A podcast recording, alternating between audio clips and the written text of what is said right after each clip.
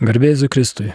Mėly Marijos radio klausytojai, tęsime laidą Dvasinės ekologijos, bibliniai ir teologiniai pagrindai. Laidą vedu aš, vadovau Katalikų teologijos fakulteto dėstytojas Artūras Lukaševičius.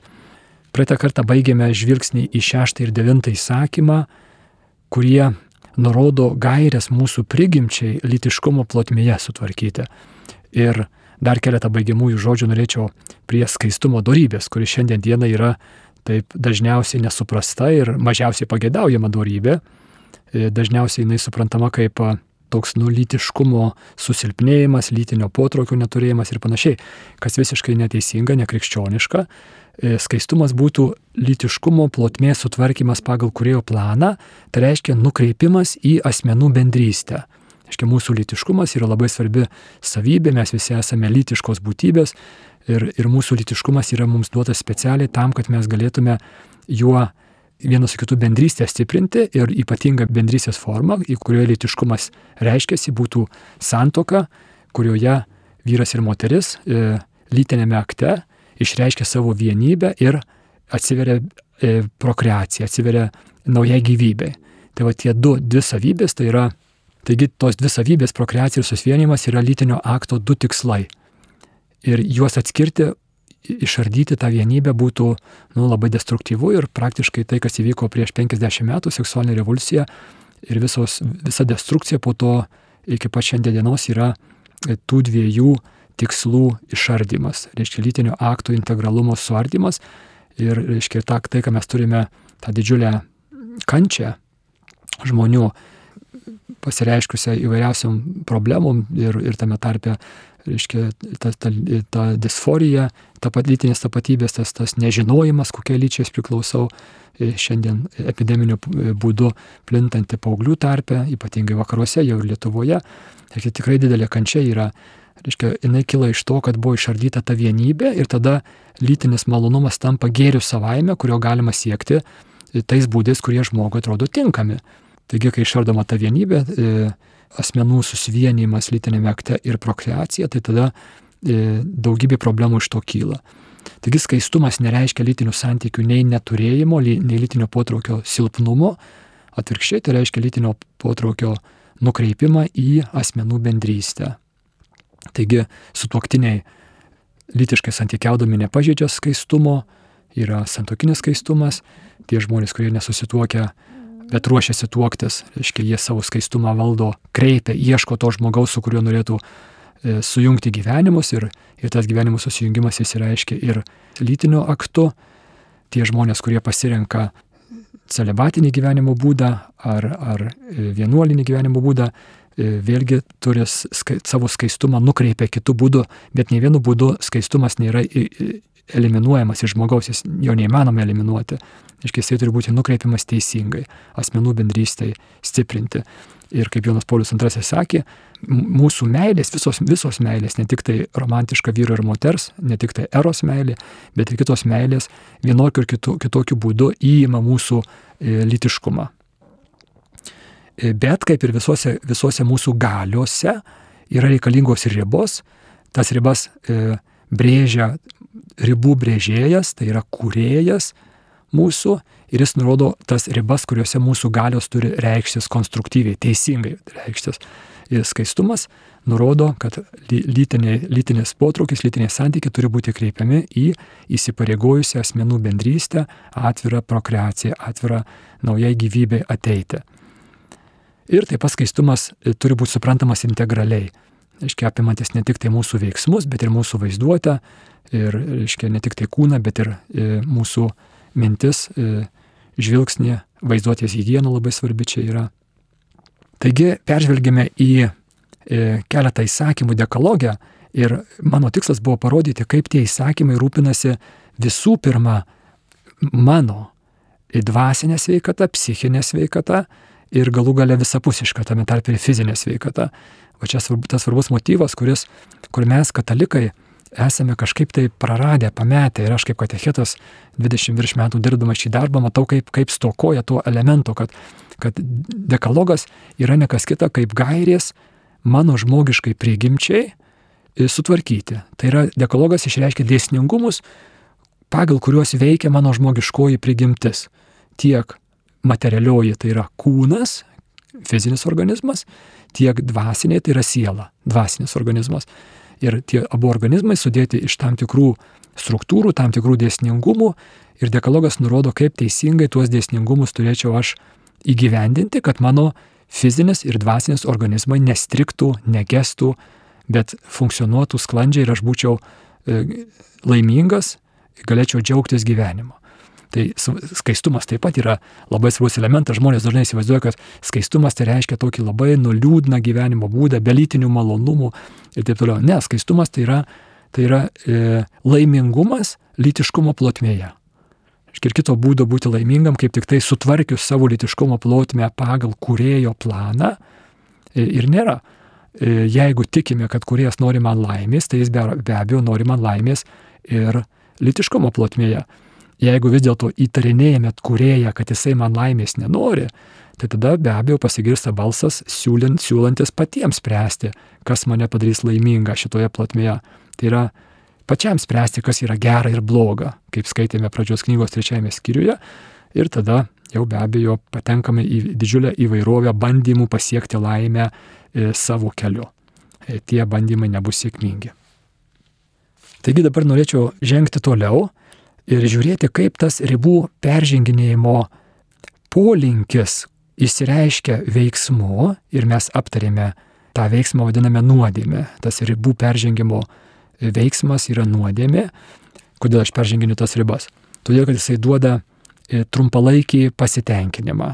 To, tam tikrą dozę, atsimenat tą PVM, pripažinimas valdžia malonumai ir, ir tai kažkokiu tai būdu mano nuo kurėjo atitrūkusią širdį užpildo laikino laimės jausmu. Tas jausmas greitai praeina. Ir tada norisi jį pakartoti. Ir, ir ta dozė pakartota ir vėl pakartota veda į įprotį, į kurį mes vadiname e, klasikiniu terminu įda. Įda yra ribų perženginimo įprotis. Ir e, ta įda e, kartojama, plinta apima kitas mano sielos struktūras ir mano sieloje susidaro tokia, tokia bendra, reiškia, greito pasitenkinimo ieškojimo aplinka.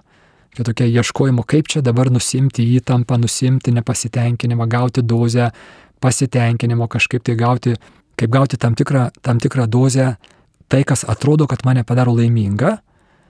Va šita va tokia aplinka, tokia, tokia sielos struktūrų, toksai, reiškia, mes juos vadinam tokie visokie ožiukai, įpročiai, prisirišimai, įgeidžiai, va čia šita, šito aplinkoje susidaro geros sąlygos e, jau dideliai lygai, sielos lygai, tai yra priklausomybei. Prieš keletą laidų ap, aptariau šitą dinamiką nuo veiksmo prie įpročio, prie priklausomybės.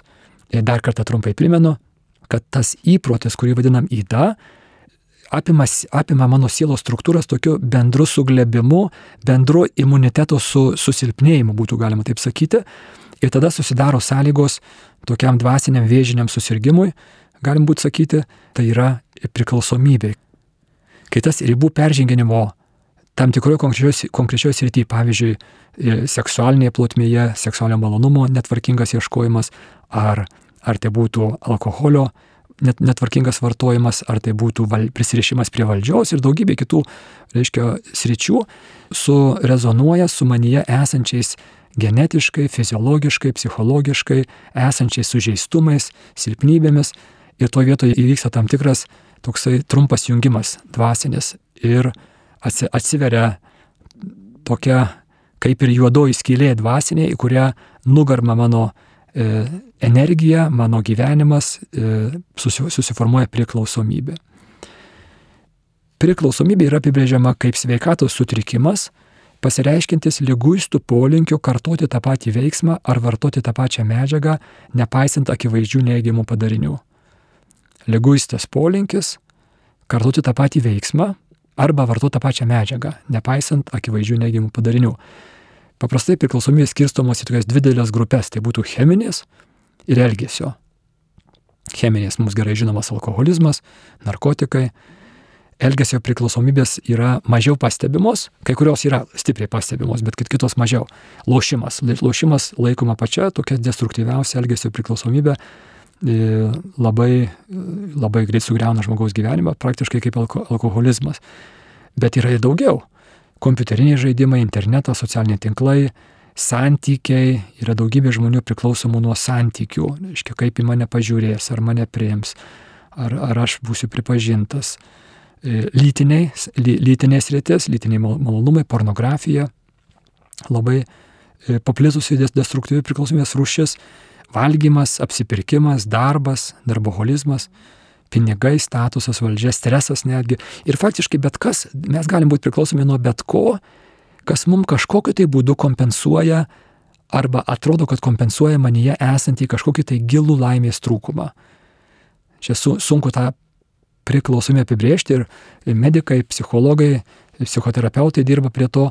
Ir taip pat tai yra dvasinė problema, taigi teologija turi ką daug pasakyti priklausomės, e, reiškia, susiformavimo ir gydimo srityje, kadangi čia, kaip tai matysime labai ryškiai, šita problema yra e, dvasinė.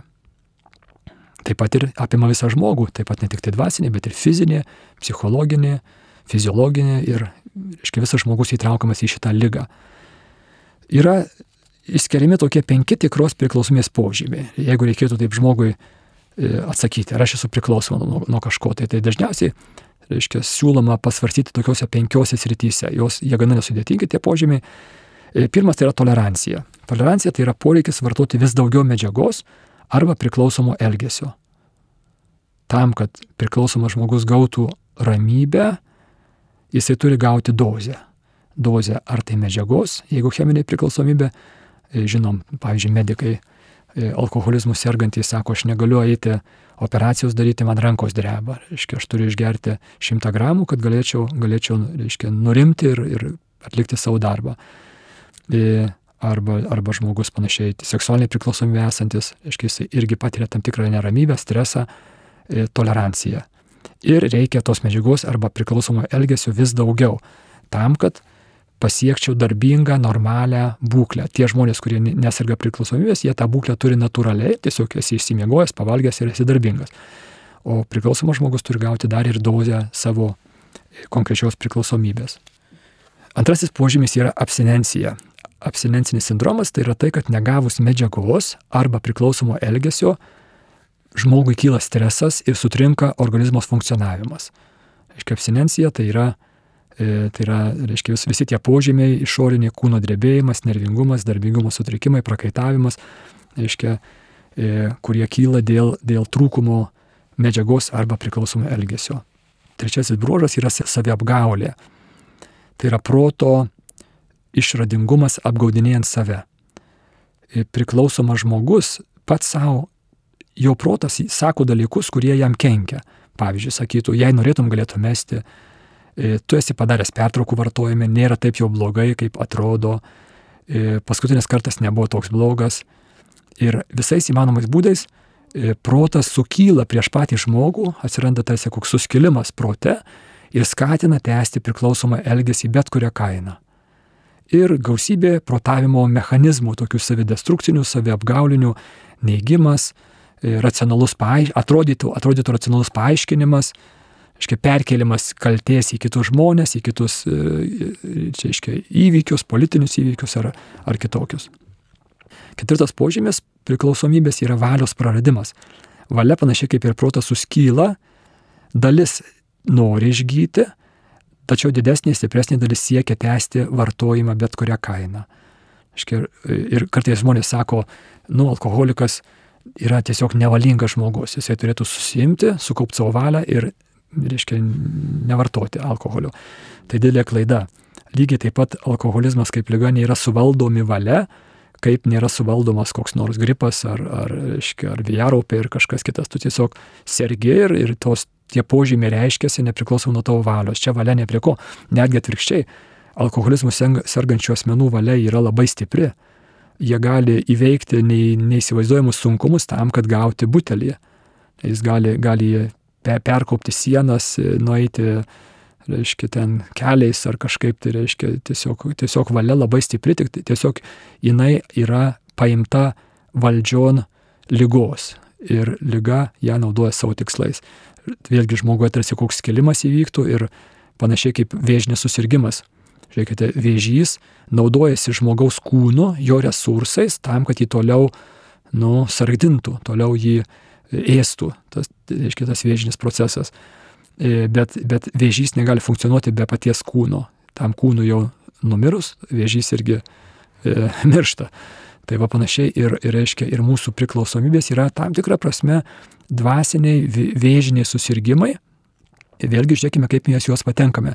Mes juos patenkame perženginėdami ribas, kurias kuriejas nubrėžė ir e, tas ribų perženginimas prasideda nuo veiksmų, jų lygmenyje atrodo aš dar kontroliuoju padėtį, e, paskui tie veiksmai tampa įpročiu, jau padėti kontroliuoti sudėtingiau, nes atsiranda įprotis ir galų gale reiškia tas trumpas jungimas, tas, tas rezonansas ir tada jau žmogus padėties nekontroliuoja. Tai valios praradimas žmogus, reiškia, padėties nekontroliuoja. Penktasis požymis priklausomės yra dėmesio sutrikimas. Dėmesys gyvenimui vis mažėja ir dėmesys vis labiau koncentruojamas į vartojimo tesimą. Tai žmogus pradžioje praranda darbą, paskui praranda draugus, paskui praranda sveikatą, praranda šeimą. Reiškia, jis, jis, jis vis, vis mažiau sugeba dėmesio su, kažkur tai skirti kitur, o visas dėmesys sukasi arba apie tai, kaip gauti pavartoti, arba, arba reiškia, pavartojus patirti tą laikiną pasitenkinimo jausmą ir paskui, reiškia, vėl kartoti ieškojimą dozės. Vėlgi, žiūrėkite, čia labai panašu, kaip mes bandome nereikia čia kokio alkoholizmo ar narkomanijos ar kitų baisių priklausomybių, bet mes visi iš esmės, reiškia, turim tą polinkį, lūkestį, kad jeigu tik tai gaučiau tinkamą kiekį ir dažnumą ir kokybę pavartojimo, PVM, pripažinimo valdžios malonumų, tai tai, tai užpildytų man laimės troškimą. O tai šito laimės troškimo, kuris užpildomas tik tai meilę, tik tai per tikrą meilę jisai užpildomas, reiškia, mes bandome gauti surogatą, gauti pakaitalą meiliai ir tas pakaitalas yra va, tam tikra PVM forma, tam tikra pripažinimo valdžios malonumo e, forma. Ir šituo keliu einant laimės nepasieksime. Tai yra tik tai trumpas laimės iliuzijos, iliuzijos toks momentas, tačiau jisai greitai baigėsi. Panašiai kaip bandymas numalšinti troškulį geriant sūrų vandenį. Iškai žinom iš, iš knygų, kad, kad vandeninė sudužus laivui ant plausto, ant kokio tai luoto plūdurintis keleiviai, nors ir labai nori gerti, negali gerti vandenino vandens sūraus, nes išgėrus kurį laiką atrodo, kad pagerėja, palengvėja, troškulys lygtai numalšinamas, bet tuoj pat jisai sugrįžta su dviguba jėga, nes vanduo buvo sūrus. Tai štai čia yra tie dalykai, kurie siūlosi mums tapti meilės pakaitalais ir, reiškia, ir galų gale veda į mūsų sugriovimą kurios labai ryški forma yra priklausomybės. Dabar ką daryti žmogui, kuris, kuris pakliuvo į šitą situaciją, žinome iš patirties, kad, kad pavyzdžiui, žmogus, kuris yra priklausomas nuo alkoholio, jam medikamentinis gydimas nedaug, nedaug padeda. Psichologo pagalba irgi mažai. Ar yra būdas, kuris galėtų jam padėti? Šitoje vietoje reikia kalbėti apie 12 žingsnių, apie anoniminių alkoholikų programą, e, kuri yra tikrai labai įdomi, Ir man kaip teologui iš dvasinės pusės, iš, iš e, teologinės pusės labai e, reikšminga, suprantant, kas mes esame, kas yra žmogaus siela, žmogaus dvasinis organizmas, kaip jisai susirga ir kaip jam gydytis ir kaip jam laimingai gyventi. Taigi, 12 žingsnių - anonimų alkoholikų programa. Jos istorija e, man asmeniškai labai įspūdinga. Prieš beveik šimtą metų 1925-aisiais Junktinėse valstijose e, sunkiai alkoholizmu sergantis verslininkas Viljamas Wilsonas, e, geriau žinomas kaip Bilas, e, ieškojo blaivybės. Verslininkas, turtingas žmogus, tikrai, reiškia, pasiturintis ir, ir jau rimtai sergantis. Tuo metu alkoholizmas buvo vienareikšmiškai įvardinamas kaip moralumo stoka ir valingumo stoka reiškia, tu esi silpnos valios ir esi nemoralus. Ir, ir Bilas bandė įvairiais būdais, jisai bandė ir melstis, ir bandė, reiškia, gydėsi, kelias kartus gydėsi gerose ligoninėse, medicamentiniu gydymu. Ir jam nepadėjo. Ir atėjo viskas iki to, kad faktiškai jau buvo tiesiogiai svarstoma, kad po sekančio užgėrimo nėra ką daryti ir jis pats su tuo sutiko, kad reikės jam tiesiog gultis visam gyvenimui į psichiatrinę ligoninę ir e, užslopintam likusius savo gyvenimo metus praleisti uždarytam, reiškia, be jau be teisės išeiti. Jau padėtis buvo visiškai e, dramatiška ir drastiška. Ir jam gulint dar, dar vat, prieš šitą situaciją, dar gulint, reiškia, e, ligoninėje jo psichiatras sako, sako, žinok, alkoholizmas nėra valios ir moralumo stoka. Alkoholizmas yra lyga, apimanti visą žmogų. Ir jo kūną, ir jo protą, ir jo visą, jį visą apimanti. Ir va šita nauja samprata jam, jam e, padeda, e, tada jisai turi pokalbį su savo drau, išgertuvių draugu, Ebis, toksai reiškia jo vardas buvo tas žmogus, e, kuris išblaivėjo Ebis ir Ebis jam papasako savo išblaivėjimo istoriją, kaip jisai per krikščionišką įtikėjimą, per atsivertimą jisai pasiekė blaivumą. Ir tas, tas pokalbis taip paveikė Bilą, kad jis nu, nusprendė, kad jis irgi nori to paties siekti. Ir jis bandė, pradėjo, reiškia, kalbėti su kitais alkoholikais, pasakodamas jiems, kad yra įmanoma pasiekti blaivumą laikantis tam tikrų dvasinių principų Ir iš tų pokalbių įsirutuliojo tai, ką mes šiandien turime kaip 12 žingsnių. Pirmas žmogus, kuriam Bilui pavyko sėkmingai e, parodyti kelią į blaivumą, buvo chirurgas Robertas Smithas, žinomas kaip daktaras Bobas. E, irgi labai reikšminga tai, kad turtingas žmogus, gydytojai ypatingai turtingi Junktinėse valstijose, ir Bobo gyvenimas jau daug metų sukosi tuo pačiu ratu jisai ryte eina į darbą, e, išbūna tenais, ištveria neišgėręs iki darbo pabaigos, e, grįžta namo ir geria iki vakaro, tada miega ir iš ryto vėl eina į darbą. Reiškia, ir jau buvo visiems aišku, jam pačiam buvo aišku, kad jo alkoholizmas yra labai pažengęs ir jam reikalinga tikrai labai kažkokia tai dramatiška e, pagalba. Ir istorija susiklostė taip, kad Bilas, verslininkas, buvo verslo kelionėje, tam pačiam mieste, kuriame gyveno Bobas, jie dar nebuvo pažįstami ir ta verslo kelionė Bilui nepasisekė. Vakaras, ne, nesėkmė, liūdna, vienišas ir jisai jaučia, kad jisai tuoj, tuoj, tuoj užgers, o užgerimas jam reiškia nu, beprotnamį be, be praktiškai. E, viskas, jį uždarys, jį reiks uždaryti. Ir jisai paima e, telefono ragelį, e, mokamam telefono būdelėje, skambina į vietinę bažnyčią protestantišką ir sako, labai keistas toksai prašymas, sako, man būtinai reikia pasikalbėti su kitu alkoholiku, ar galėtumėt man tokį surasti. Žmonės kitam ragelio galės, e, laido galės suprato, sako, turim čia tokį, reiškia, ir susi, sujungi jį su, su Bobu, su chirurgu Bobu, kuris vakare sėdi savo namuose ir Bilas jam sako, man reiktų pasikalbėti su jumis. Ir Bobas sako, aš labai užsiemęs esu, aš, aš neturiu laiko, 20 minučių daugiausia, kiek aš jums galiu skirti. Bilas sutiko, sako, gerai, sutinku su 20 minučių.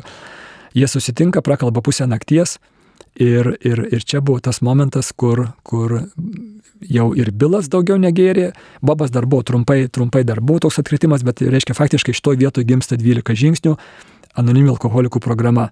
E, šitas Bobo išblaivėjimas, kuris dar ne, ne, ne, ne, ne to pokalbio metu, bet faktiškai tai buvo nu, didžiausias žingsnis Bobui į blaivumą. Jie dviese pradėjo dirbti, Bobas ir Bilas, e, po truputį pradėjo atsirasti daugiau žmonių, kurie per pokalbius su jais pasiekė blaivumą. Vienas labai įdomus e, atvejis buvo irgi garsus žmogus, e, senatorius, verslininkas Rolandas Hazardas, mes dabar žinom jo pavardę. Jisai irgi susireiškia alkoholikas buvo, jau tikrai labai sergantis žmogus. Ir jisai lankėsi pas garsų psichologą Karlą Jungą, kuris tuo metu dirbo, reiškia, ir su alkoholizmu. Ir metus laiko lankėsi Hazardas pas, pas e, Jungą, lygtai sustojo gerti, grįžo į namus ir atkrito. Ir tada jį e, pusbrolis vėl atgabeno pas Jungą, faktiškai jau beviltiškoje būklėje, jis jau net neturėjo vilties dėl savo metimo gerti. Ir Jungas jam pasakė labai įdomus žodžius, kurie vėliau per, per Hazardą sužinojo ir Bilas. Ir Jungas jam sako, sako, tavo, tavo padėtis beviltiška. Įsivaizduokite alkoholikui, kuris, kuris vėl atkrito, ateina pas garsų pasaulinio garso psichologą ir tas psichologas jam sako, tavo padėtis beviltiška. Tiek, kiek medicininė ar psichiatrinė pagalba e, gali, mes negalim tau padėti. Nebent tu patirtum religinį atgimimą. Bet tai labai retai vyksta. Tai dabar grįž namo, e, patalpink save, kaip Jungas sakė, patalpink save į religinę atmosferą ir tikėkime, kad, kaž, kad kažkaip viskas bus gerai.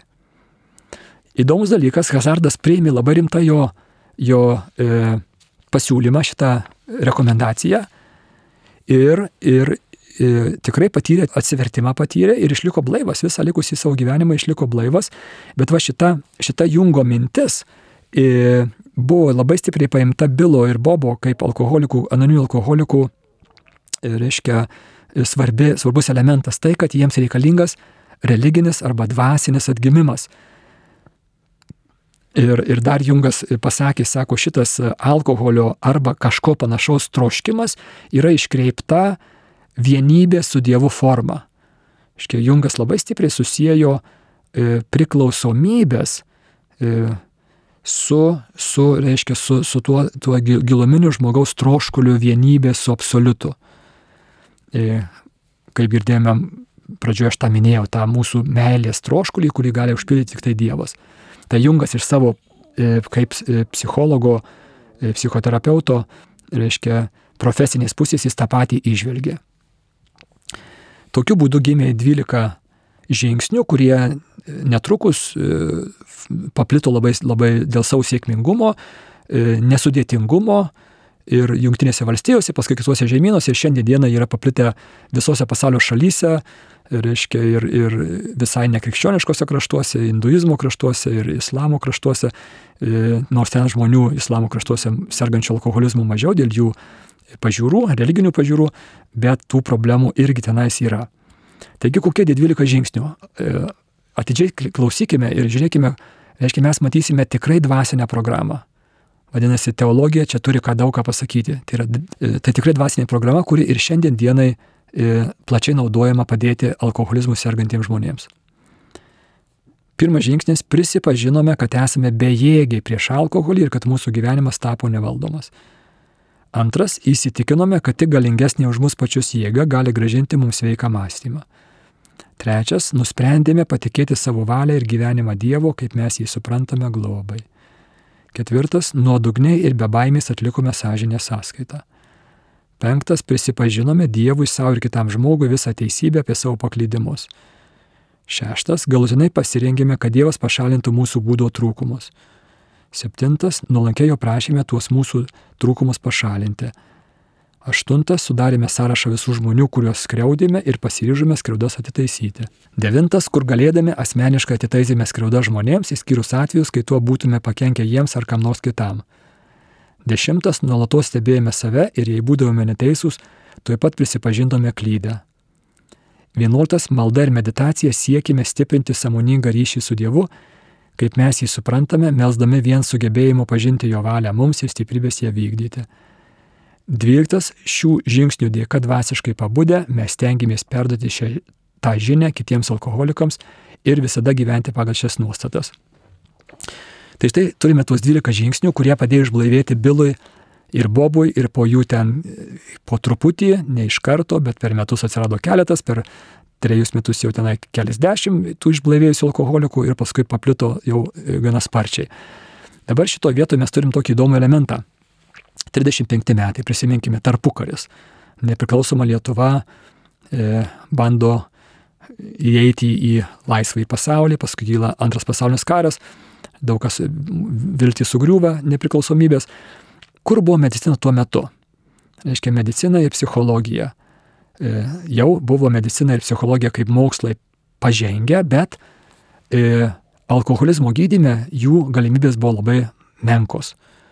Ir štai praėjo beveik šimtas metų, 2023 metai. Pagalvokime, kiek medicina pasiekė per, tuos, per tą laiką. Tiesiog sunku, sunku įsivaizduoti, sunku, reiškia, tiesiog nu kosmiškai pasiekė, tiesiog geometrinė progresija pasiekimai.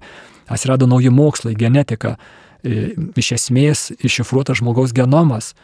Ten ne visai baigta, bet iš esmės esminė dalis yra, reiškia, mūsų visa genetinė struktūra iššifruota, būdų, smegenų veikla, centrinė nervų sistema visa. Pavyzdžiui, šiandien dienai reiškia, e, neuromokslai gali pasakyti, e, kaip alkoholizmas arba kita lyga veikia smegenis, kaip okupuoja smegenis, po truputį kokie pokyčiai vyksta. Aiškiai, gali, gali smulkiai paaiškinti, kas darosi smegenyse, kokie procesai, kokie mano fiziologijai procesai vyksta, kad, kad tas, ta lyga, reiškia, užima, apima mane žmogų. Ir va šitie visi didžiuliai, didžiuliai, tikrai, tikrai didžiuliai pasiekimai medicinos rytyje, psichologijos rytyje, kiek, kiek, kiek įsivystė mokyklų psichologijos, kaip reiškia, kaip žmogaus elgesys ir, ir jo, reiškia, visa emocijos ir, ir tenais visi vaikystės e, patirtys, kaip jos įtakoja mano gyvenimą toliau. Reiškia, buvo įsivystę per tą, per tą šimtą metų, nepilną šimtą metų, nu tikrai labai stipriai ir labai daug žmogui gali padėti. Ir psichologija, ir, ir psichoterapija, ir medikamentinis gydimas, ir žmogaus e, kūno ištyrimas, ištirtumas įvairiais būdais Rengenas jau buvo žinomas 35 metais, bet, bet tai, ką mes turim dabar su visokiom tomografijom ir, ir, ir kitais būdais, e, tai tuo metu net pasvajot nebuvo įmanoma. Ir štai su visais tais didžiuliais pasiekimais šiandien dienai medicina su medicamentiniu gydymu ir psichologija su metodais labai labai ribotai, beveik tiek pat, kiek ir anksčiau, gali labai mažai padėti alkoholizmu sergančiam asmeniui. Kitaip sakant, Taip kaip Bilui ir Bobui medicina ir tuometinė psicho, psichologija, psichoterapija menkai galėjo padėti beveik tiek pat ir šiandien. O šita nesudėtinga 12 žingsnių programa savo nuolankiai ir, ir sistemingai praktikuojama, dirbant pagal ją, pasiekimai yra labai geri. Šita dvasinė programa gali padėti žmogui sergančiam alkoholizmu e, daug efektyviau negu negu kiti, kiti būdai. Ir man atrodo, šitoje vietoje mes turim labai stiprų argumentą už tai, kad žmoguje yra kažkas tai daugiau negu tik tai fiziologija, negu tik tai mano materialus kūnas, kurį tyria ir gydo medicina, ir negu mano e, psichologija. Tai yra, tai yra visas psichinės, e, psichikos aparatas esantis manyje. Jie tikrai yra ir labai svarbus yra. Bet šiuo atveju turime, reiškia, gydymą, kuris gydant kūną ir psichiką nepadeda. Ar tai nėra ženklas, kad lyga kyla ne iš kūno ir ne iš psichikos? Jeigu gydant kūną ir psichiką ir labai gerai ištyrus ir kūną ir psichiką, aiškiai, ir žinant, pažiūrėjau, nu, aš taip galvoju, jeigu aš žinau, kokie procesai vyksta mano kūne ir mano smegenyse, tai, tai daryti intervencinę, cheminę, intervenciją medicamentinę į, į mano organizmą ir sustabdyti tos procesus, nukreipti kitą linkmę. Nepavyksta. Aiškia, medikamentinis gydimas nu, pažengė šiek tiek, reiškia, iš, ištirta, bet iš esmės nu, mūsų aplinkoje pagalvokite, kiek pažįstat alkoholikų, kurie buvo medikamentiškai išgydyti. Aš, aš nedaug pažin, esu girdėjęs, kad žmonės ten daro tam tikrus, reiškia, bandymus ir, ir gal kažkurį, kažkurį laiką padeda, bet tai, kad tai žmogus medikamentiškai būtų išgydytas. Ar kad psichologas padėtų, irgi esu girdėjęs, aiškiai, gal literatūrą daugiau skaitęs esu, kad, kad yra atvejų, bet e, nedaug. O štai šita nesudėtinga dvasinė programa, nu, aš pažįstu daug žmonių, specialiai nesidomėjęs, pažįstu daug žmonių ir literatūrai skaitau, daugybė žmonių per šitą nesudėtingą programą pasiekia blaivumą ir sugrįžta į sveiką, produktyvų, laimingą gyvenimą. Ar tai nėra labai stiprus ženklas to, kad manyje yra kažkas tai daugiau negu tik tai fizinis kūnas ir e, psichika?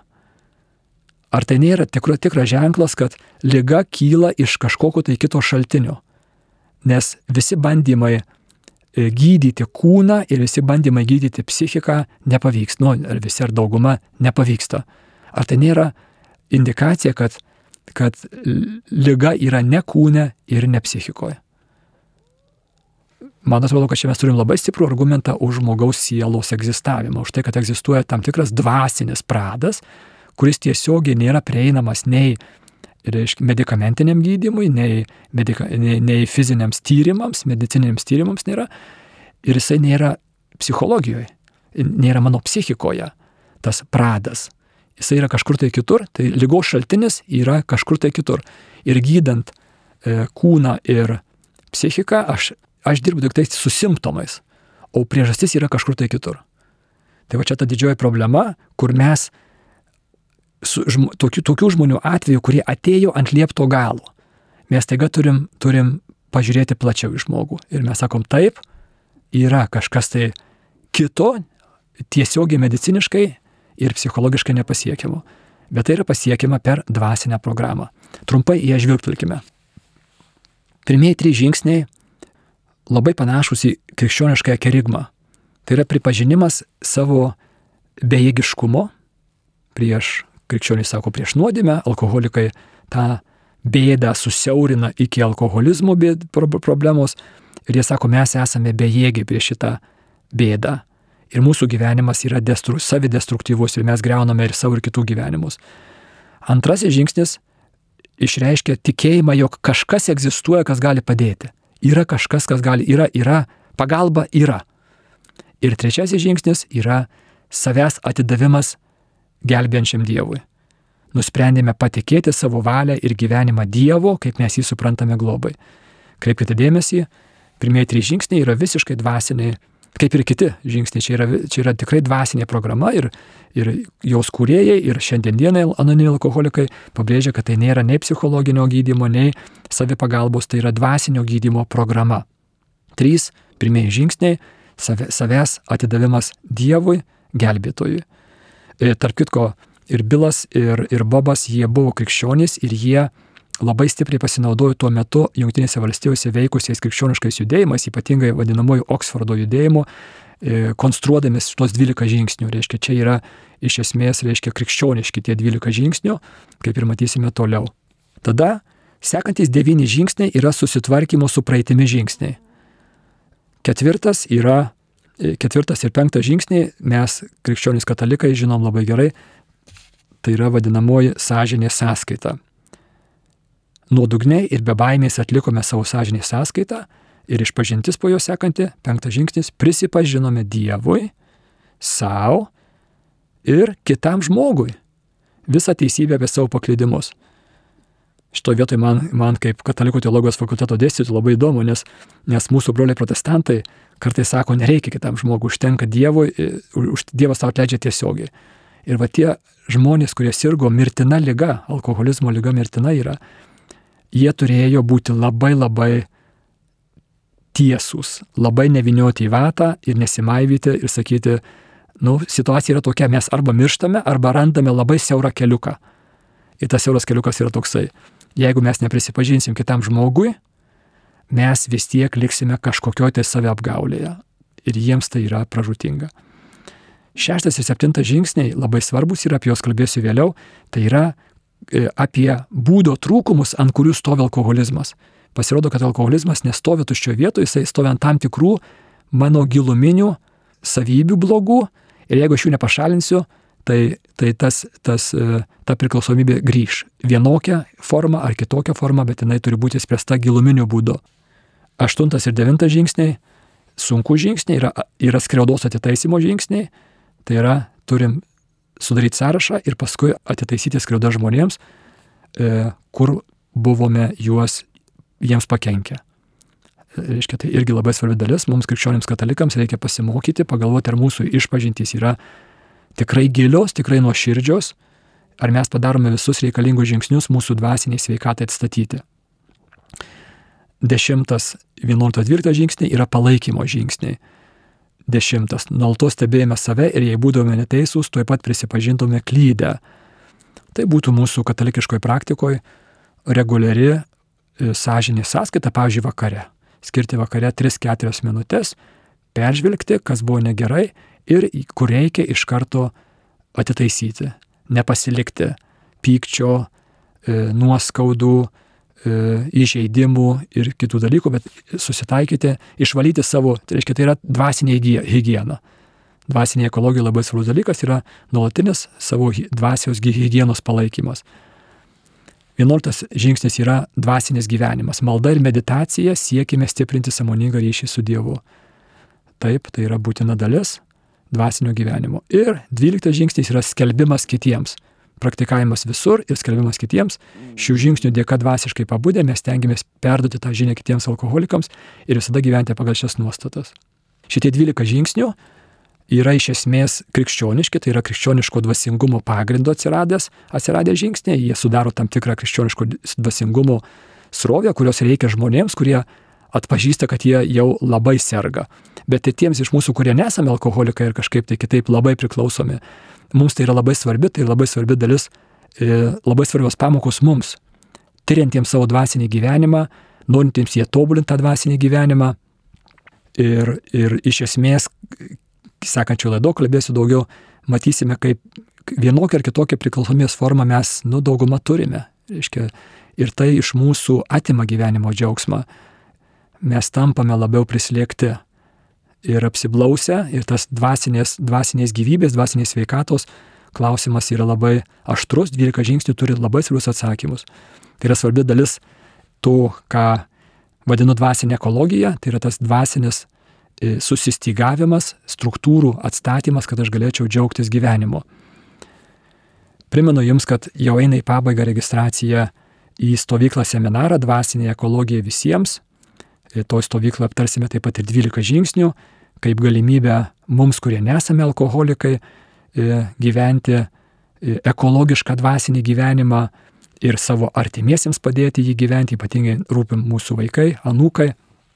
Taigi, kas domitės, kviečiu pagalvoti apie dalyvavimą e, šventojoje Liepus 9-16 dienomis, savaitės trukmės, gana įtempta programa, programą sudaro paskaitos, e, skaitysiu aš paskaitas, fizioterapiniai užsiemimai, susidedantis iš teorijos ir praktikos specialistai ves ir daugiau informacijos ir registracija yra tinklapyje, kurį rasite suvedę internete paieškoje stovyklos pavadinimą Dvasinė ekologija visiems. Girdėjau tą laidą, aktualijos, vedžiau aš, Katalikų teologijos fakulteto dėstytojas Artūras Lukaševičius. Likite sveiki.